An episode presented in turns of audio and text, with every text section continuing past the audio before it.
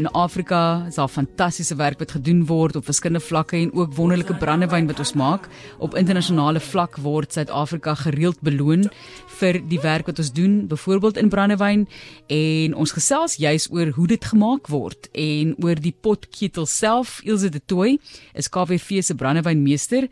Sy is al 15 jaar by KWV en is verantwoordelik vir die vermenging van al die brandewyne en likeurs. Baie welkom Ilse. Baie dankie Martelie. So waar in die jaar staan julle tans met vervaardiging? So hierdie tyd van die jaar is ons maar altyd besig met vermenging dwars deur die jaar. So ons um, ons seisoentyd begin mos maar Februarie maand dan in die druiwe geoes word en ons die goeie rabatwyne inneem. So ja, dit is um volstoom vir ons. Die mense wil Desember mos 'n bietjie brandewyn drink. Goed, so iemand luister nou, hulle het nie 'n idee wat dit beteken om 'n brandewynmeester te wees nie. Wat wat beteken daardie titel, Elsje? So, ehm um, jong, dit, dit, dit klink gewigtiger as wat dit is. Ehm um, basies wat ek verantwoordelik is vir is om die kwaliteit van al die brandewyne wat ons vervaardig seker te maak dat alles is tip-top um, en dat elke bottel brandewyn dieselfde smaak as die vorige een sodat die die brandewyndrinkers baie gelukkig is as hulle so 'n botteltjie van die rak afneem. En ek het 'n boodskap terloops gekry op Facebook. Nou jy hoef nie almal te ken of die volledige geskiedenis van brandewyn te ken of waar jy werk nie, maar iemand het gesê my oorlede oupa Fritz Engelbreg het sy lewe lank as brandewyndistilleerder by KWV in Montague gewerk. So sy sê toe ook daar hulle kon baie keer gaan as as ouma nou vir hom sy bord kos neem. Dis my so 'n mooi storie. En dan het hulle nou gekyk as hulle opgaan boontoe by die trappe op, dan kyk hulle nou hoe die brandewynketel werk en hoe die brandewyn gekook word. Dis mooi geskiedenis. Hoe lank maak ons al brandewyn in Suid-Afrika? Ons maak ons maak al baie lank brandewyn in die 1800s het ons begin brandewyn maak en die eerste brandewyn is op 'n skip gedistilleer in die Kaapse hawe. Um die skip se naam was die Pyl. So um ja, die daai daar is eintlik 'n baie mooi storie. Ons het 'n distilleerder in Montetjie gehad. Um ongelukkig het het meeste van ons distilleerders in hy toegemaak en um, ons distilleer nog in Woester en Appington Maar ja, daai distilleerders is ook in die hitte van die seisoen op en af teen daai trappe, partykeer 4 of 5 verdiepings hoog, um, om seker te maak die temperature van die stoom wat die potte kook en die, die kolomketels um ja, produseer goeie kwaliteit. So ek kan definitief dink dat dit was baie interessant vir 'n kind om te gaan kyk hoe brandewyn gemaak is destyds. Hoekom Appington te loop, Elsje? En daar is ook 'n goeie ehm um, area vir vir drywe. So ons kry 'n groot ehm um, hoeveelheid van ons drywe vir brandewyn in daai area. So dit is ja, die grondstof wat ons nodig het is in daai area. Baie mense weet dit nie. Dit is interessant wanneer jy Appington toe gaan dan leer jy meer daarvan ook. Maar Ilse, baie baie geluk natuurlik. Julle doen baie goed elke jaar met julle brandewyne, 12 jaar, 15 jaar dubbelgoud en uh, die Veritas toekenninge wat natuurlik elke jaar hierdie uitstaande wyne en spiritus in Suid-Afrika uitwys. Maar nou wil ons weet, hoe kry jy daai medalje? hoe wen jy daai goud en dubbelgoud? Want soos jy nou gepraat het van temperature, dit moet perfek wees uh, vir die produk om aan die ander kant kwaliteit te wees. So ek het al gesit, ek het al deur julle hele reeks, maar dit was nou jare gelede het ek deur die hele reeks geproe en dit is ongelooflik wat gedoen kan word met die veroudering en die geur en hoe julle dit hanteer. So eerstens begin vir ons by die maak van brandewyn en die proses. Goed. So, um, jong, die brandewynmakery is is 'n is 'n uiteraard 'n baie groot spanpoging want jy kan nie 'n goeie brandewyn maak van 'n slegte druif of 'n slegte wyn nie. So die die maak van brandewyn begin al by die by die wingerdboukundige praktyke. So ons verkies lekker Chenin Blanc en Colombard wit druiwe vir brandewyn en dan natuurlik die wyn wat die wynmakers vir ons voorberei in die verskeie kellers in die Brede Kloof Vallei en in Appington. Um is 'n goeie kwaliteit um wyn. So baie mense het die idee dat afvalwyn word gebruik vir brandewyn en dit is dit is die teenoorgestelde. Vry afloopsap, geen swaal, goeie alkohol en suurinhoud.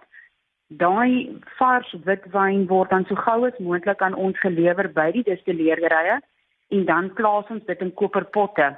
Nou die rede hoekom jy koperpotte gebruik is daai suur in daai witwyn reageer met die koper en dit vorm esters. Nou esters is daai ding wat wat ons kan waarneem, die smaak en die geur is van die esters af. So ons kook dan daai wyn in daai koperpotte Dis waar die temperatuur, die temperatuur moet reg wees. Jy moet 'n voorloopie vat sodat al die negatiewe karakter haal jy eers uit. Dan kom jou hartgedeelte uit die pot uit wat jou suiwer 70% alkohol is, baie geur en daai gedeelte gaan dan na die vat toe. Daai hart van die brandewyn. Dit is 70% alkohol, lyk soos water en dan sit jy hom in 'n Franse eikehoutvaatjie vir nie minder as 3 jaar nie. Nou in daai tydperk los jy hom. So ons um, meng glad nie in met die veroudering nie. Hy rus en dan na 3 jaar kan jy hom uithaal uit die vat uit of jy kan hom verder verouder na 5 um, ehm, tot en met 20 jaar self. En wanneer hy uit daai vaatjie uitkom, begin die harde werk. Dan begin ons verskillende vate se brandewyne te versny met mekaar um, en ons sit water by natuurlik om dit te bring tot by 'n wetlike bottelsterkte wat die mense kan drink. Um, en ja, en dan sit jy met hierdie goue ongelooflike um, produk wat wat baie lekker proe en dit proe soos Suid-Afrika, daar is sonskyn, um, dis lewendig. So ja, dit is dis dis vir ons dan dit bied aan die aan die kliënte. En die potketel self, dit is altyd vir my ook 'n mooi woord, maar vertel vir ons van die potketel as 'n toestel. So die potketel is is die fisiese stuk toerusting wat jy gebruik om potketel brandewyn mee te verstook. So as jy nou in jou kop kan dink, dit is 'n 1500 liter um, koperpot. Um, so ja, en wat wat omhul is deur 'n stoommantel. So ja, dit is dis die toerusting. Jy sit daai wyn binne in daai potjie en dan maak jy hom warm met daai stoommantel. Die ehm um, van die pot van die bokant af is daar dan 'n geespyp soos ons dit noem en wanneer daai wyn kook teen 78.3 grade Celsius verander jou geur en jou alkohol in die wyn na 'n gas toe. En daai gas styg dan op in die geespyp na die ehm um, kondenser toe. Die kondenser is basies 'n toestel wat um, koue water om 'n spiraalpyp het en ons kondenseer dan daai baie ryk gas terug na vloeistof toe wat dan jou brandewyn raak. Presies, 0,3. So, nie nie 2 of 1 nie 3. Maar ja, dit is Ilse de Tooi wat in ons gesels. Ons vind uit hoe werk 'n potketel en hoe brandewyn gemaak word en Ilse is 'n brandewynmeester al 15 jaar in die posisie waar sy tans staan. Jy praat van 'n gladder smaak. So die wat brandewyn ken, weet waarvan hulle praat, hulle weet waarvoor hulle soek afhangend van wat jy kan bekostig ook by tye Ilse, maar Wat maak 'n goeie brandewyn? Jy praat nou van 12 en 15 jaar. Die 10 jaar is me is sê ook baie voor al die jare onthou ek die 10 jaar was so ja. gesog geweest jare terug, maar die 5 en 10 in Swan is is nou dalk bietjie meer toeganklik, maar 12 en 15 jaar wat jy van praat, maar wat maak 'n goeie brandewyn? Die smaak, as jy dit vir ons kan beskryf. Ja, so ons ons kyk na 'n paar elemente om 'n om 'n brandewyn te beoordeel basies. So natuurlik kyk jy eerstens na die kleur en sy deursigtigheid, is hy mooi blink? Lyk die kleur vir jou of hy die ouderdom van die brandewyn is? Met ander woorde, dat jy nie 'n 3 jaar oud het wat baie donker is nie, maar 'n 3 jaar wat lig van kleur is, helder en dan natuurlik as die brandewyn ouder ouer raak, is sy kleur van toepassing op sy ouderdom en dan um, beoordeel ons die aromas en natuurlik as jy jou brandewyn beoordeel, hou jy hom eers 5 cm van jou neus af. Jy ruik die geure wat daar uitkom. Dit is meer jou tropiese karakter, jou vrugte karakter en dan soos jy jou neus nader aan die glas bring, kry jy meer die verouderingskarakter, jou swaarder geure, vanilla, sjokolade, eikehout en dan jou droë vrugtekoek. Ehm um, ruik jy in die glas en dan natuurlik as jy hom proe op jou palet is hy sag, um, is hy fluweelagtig amper soos satijn en dan natuurlik wanneer jy hom sluk, is daar 'n lekker sensasie in jou keel. Baie mense skrik partykeer vir daai initiële brand van die brandewyn in jou keel. Hy moet daar wees. Hy dra daai geur en dan natuurlik is hy blywend op jou palet. So al daai drie goed moet saamspeel om vir jou algehele goeie brandewyn te gee. Maar natuurlik soos dit menslik is, um, die brandewyn moet vir die drinker lekker wees. So as hy lekker is vir die drinker, dan sy 'n goeie brandewyn. goeie punt altyd daarin, né? Dit wat jy geniet is wat jy ja. drink. So as dinge verkeerd gaan Ilse, vertel ons daarvan. 'n Mens wil nou nie praat oor oor die flop in Suwan wat 'n mens ervaar nie en ek seker dit gebeur nou min, maar jy dink aan beerkrag, daai tipe van ding. Kom ons praat oor wanneer dinge verkeerd gaan en en ervarings wat jy dalk al gehad het en hoe jy dit beredder het. Ja, so um, ons het al so 'n grappie gemaak al dat um, dokters begrawe hulle foute en brandewynmakers verouder dit. Dit nie noodwendig die geval nie, maar ja, ons kry um, omdat brandewyn ook 'n lewendige ding is, kry mens um kere waar die die oes of die wyn nie van goeie kwaliteit was nie. Dan moet jy jou destillasieproses baie vinnig aanpas en en daarom ryk en pro ons hierdie produk van van wynvlak dwars deur tot wanneer hy die dag voor hy in die bottel gaan. So ons ons proe en ryk van hierdie produk is deurlopend en dis wat ek heeldag doen om seker te maak ehm um, daar gaan in hierdie proses niks fout nie en indien daar iets fout gaan dat ons dit kan optel. Met beerdkrag dit dit kos vir ons met beerdkrag ehm um, maar 'n bietjie duur om brandewyn te vervaardig. Mense kan dink dat daai kragopwekkers maar moet loop. Dit is 'n kontinu proses, so jy kan nie sommer net stop en dan na 2 ure weer aangaan nie.